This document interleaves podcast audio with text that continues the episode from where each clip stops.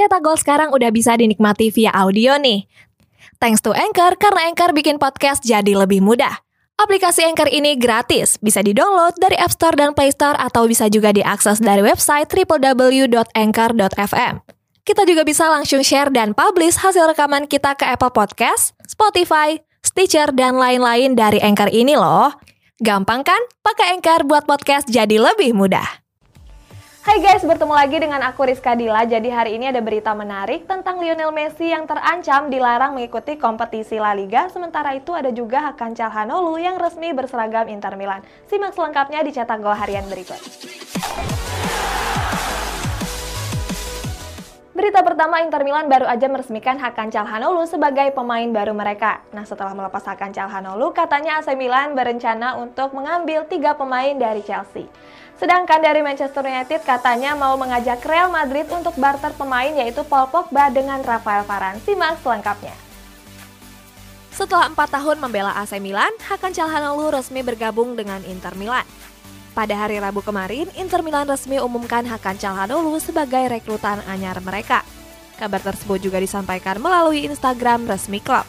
Calhanoglu resmi menandatangani kontrak dengan durasi 3 tahun. Gak cuma itu, Calhanoglu juga akan mendapat gaji 5 juta euro per tahunnya.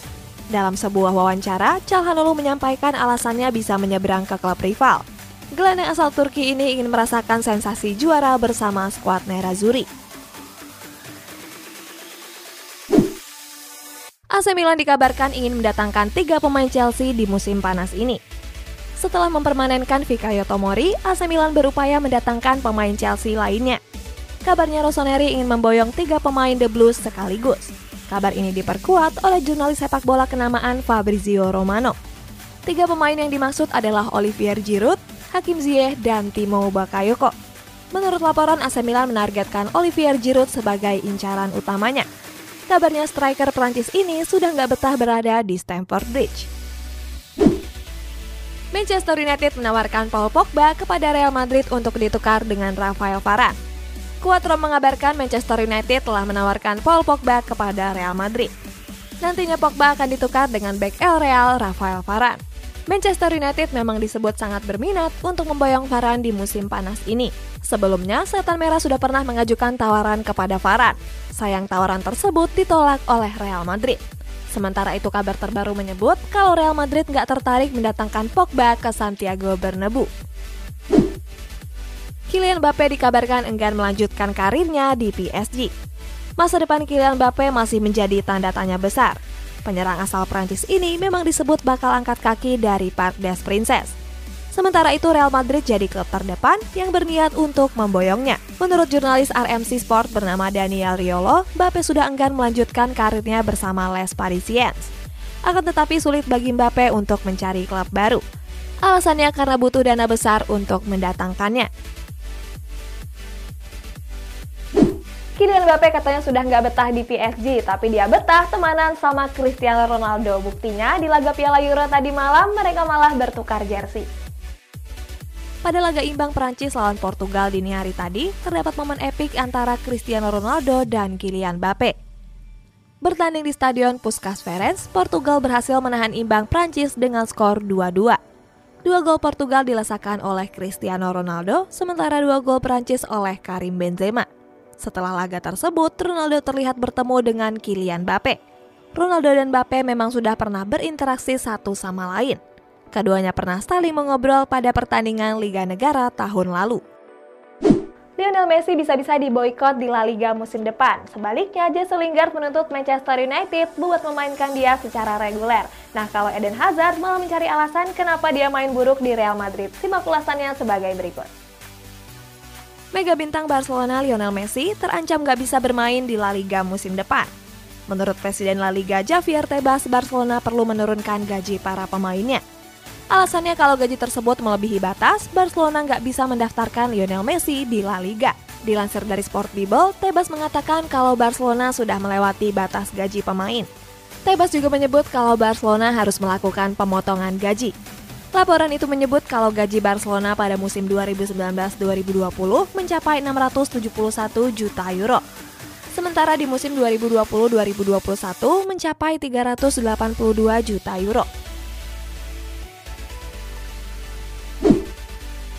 Jesse Lingard isyaratkan hengkang dari Manchester United di musim panas ini. Gelandang serang Manchester United Jesse Lingard berkemungkinan angkat kaki dari Old Trafford. Lingard sendiri sudah tampil gacor selama membela West Ham sebagai pemain pinjaman. Masa peminjaman Lingard di West Ham juga sudah berakhir. Artinya Lingard akan kembali ke Manchester United dan berlaga di Premier League musim depan. Dalam wawancaranya bersama Sky Sport, Lingard menuntut Manchester United untuk memainkannya secara reguler. Lingard percaya kalau dirinya layak masuk skuad utama.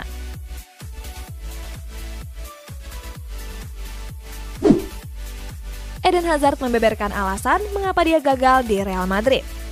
Sejak didatangkan dari Chelsea, Hazard belum menunjukkan performa terbaiknya. Winger Belgia ini justru lebih sering menepi akibat sering mengalami cedera. Dalam dua musimnya bersama El Real, Hazard cuma mencatatkan 43 penampilan dan mencetak 5 gol. Pencapaian ini nggak sebanding dengan penampilannya di Chelsea. Berseragam The Blues, Hazard mampu tampil reguler dalam 352 laga dan mencetak 110 gol serta 92 assist. Hazard menyebut kalau cedera menjadi faktor utama atas performanya yang buruk di Real Madrid. Berita selanjutnya, tiga klub European Super League kabarnya mau menuntut balik UEFA. Sementara itu, UEFA lagi heboh dengan mendukung LGBT. Simak ulasannya sebagai berikut. Real Madrid, Juventus, dan Barcelona dikabarkan akan menuntut balik UEFA.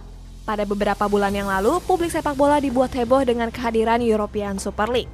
Sebanyak 12 klub elit Eropa dikabarkan bergabung dalam kompetisi tersebut. Sayang kompetisi tersebut nggak bertahan lama, Kini European Super League cuma menyisakan Real Madrid, Juventus, dan Barcelona. Selain itu, UEFA juga sempat menginvestigasi secara langsung.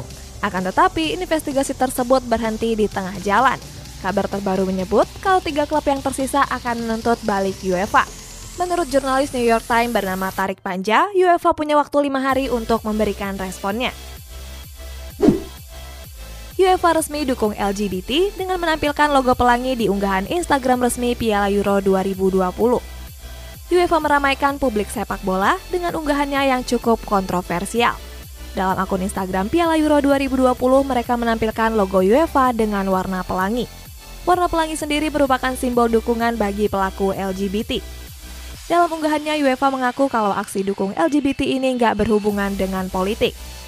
Sebelumnya, UEFA sempat melarang wacana wali kota Munchen untuk mewarnai Stadion Allianz dengan lampu berwarna pelangi.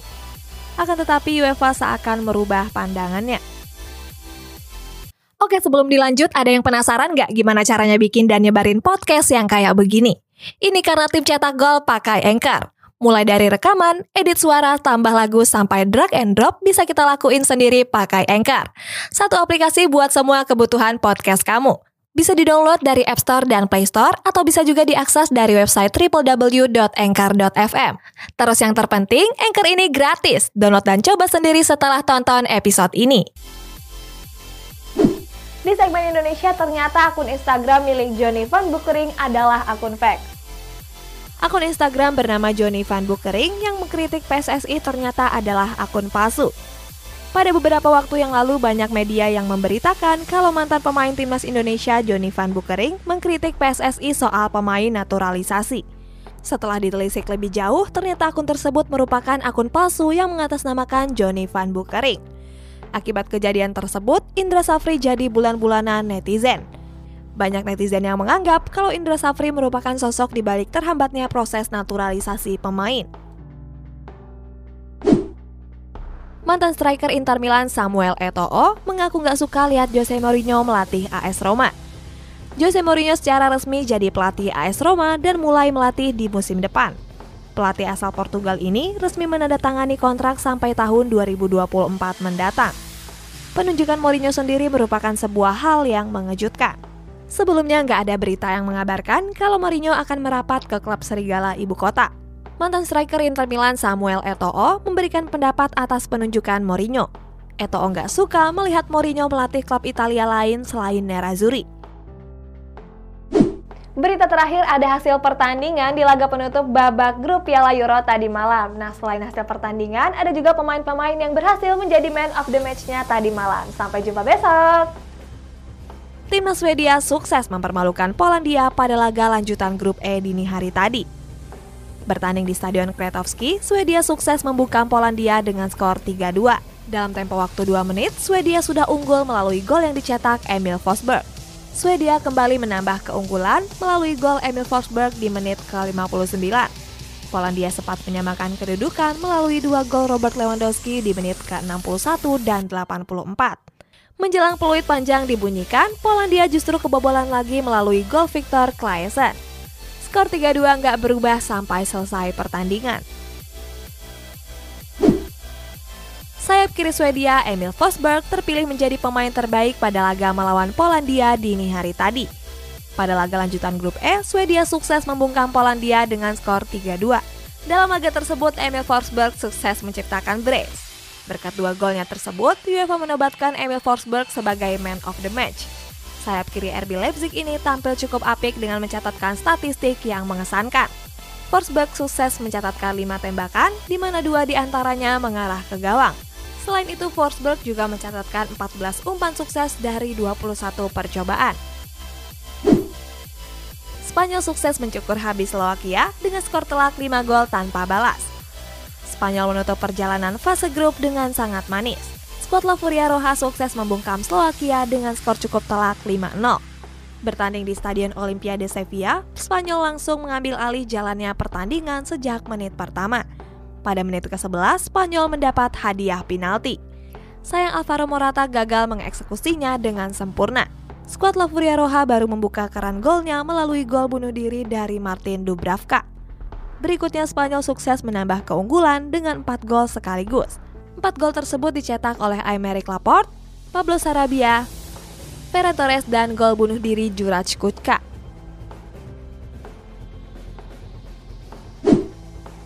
Sergio Busquets terpilih menjadi man of the match di laga penutup grup E. Gelandang Spanyol Sergio Busquets terpilih menjadi pemain terbaik pada laga melawan Slovakia. Pemain Barcelona ini mampu menjadi pengatur serangan skuad La Furia Roja Puskort mencatat, Baske mampu menyelesaikan 44 operan dari 51 operan. Gelandang veteran ini juga sukses mengirimkan dua umpan kunci. Gak cuma itu, Baskes juga memenangkan tiga duel. Baskes juga apik dalam bertahan di mana dia mencatatkan satu tackle dan satu intercept. Di laga lanjutan grup F, Portugal dan Prancis bermain imbang sama kuatnya. Pada dini hari tadi, Portugal bertanding menghadapi Prancis. Laga tersebut berakhir dengan skor imbang 2-2. Portugal membuka keunggulan di menit ke-30 melalui gol penalti Cristiano Ronaldo. Jelang turun minum, Kylian Mbappe dijatuhkan oleh Nelson Semedo di kotak terlarang. Benzema yang jadi eksekutor penalti sukses menceploskan gol ke gawang skuad Selecao. Babak kedua baru berjalan 2 menit, Prancis justru berbalik unggul melalui sepakan kencang Benzema. Sementara Portugal baru bisa membalas pada menit ke-60 melalui penalti kedua Ronaldo. Karim Benzema terpilih menjadi pemain terbaik di laga melawan Portugal dini hari tadi. Pada dini hari tadi, Benzema dinobatkan sebagai man of the match dalam laga melawan Portugal. Penyerang Real Madrid itu sukses mencetak brace. Sepanjang jalannya laga, Benzema merilis empat tembakan di mana dua di antaranya tepat sasaran dan berbuah gol. Selain itu, Benzema juga melepaskan 40 umpan akurat. Benzema mencatatkan rekor sebagai pemain tertua Perancis yang mencetak gol di Piala Euro. Saat ini Benzema berumur 33 tahun 186 hari. Jerman gagal menutup babak grup dengan kemenangan setelah ditahan imbang Hungaria. Jerman harus mengakhiri laga terakhir penyisihan grup dengan hasil imbang. Bertanding melawan Hungaria, skuad Der Panzer padahal berhasil mendominasi laga dengan 76% penguasaan bola. Sayang Jerman justru tertinggal lebih dulu melalui gol Adam Zalai. Di babak kedua, Jerman terus melancarkan serangan. Hasilnya Kai Havertz sukses menyamakan kedudukan. Jerman kembali tertinggal melalui gol Andras Saver dan baru bisa mencetak gol balasan 6 menit sebelum pertandingan berakhir. Skor 2-2 bertahan sampai peluit panjang. Joshua Kimmich dinobatkan sebagai man of the match pada pertandingan lawan Hungaria dini hari tadi. UEFA menobatkan gelandang timnas Jerman Joshua Kimmich sebagai man of the match.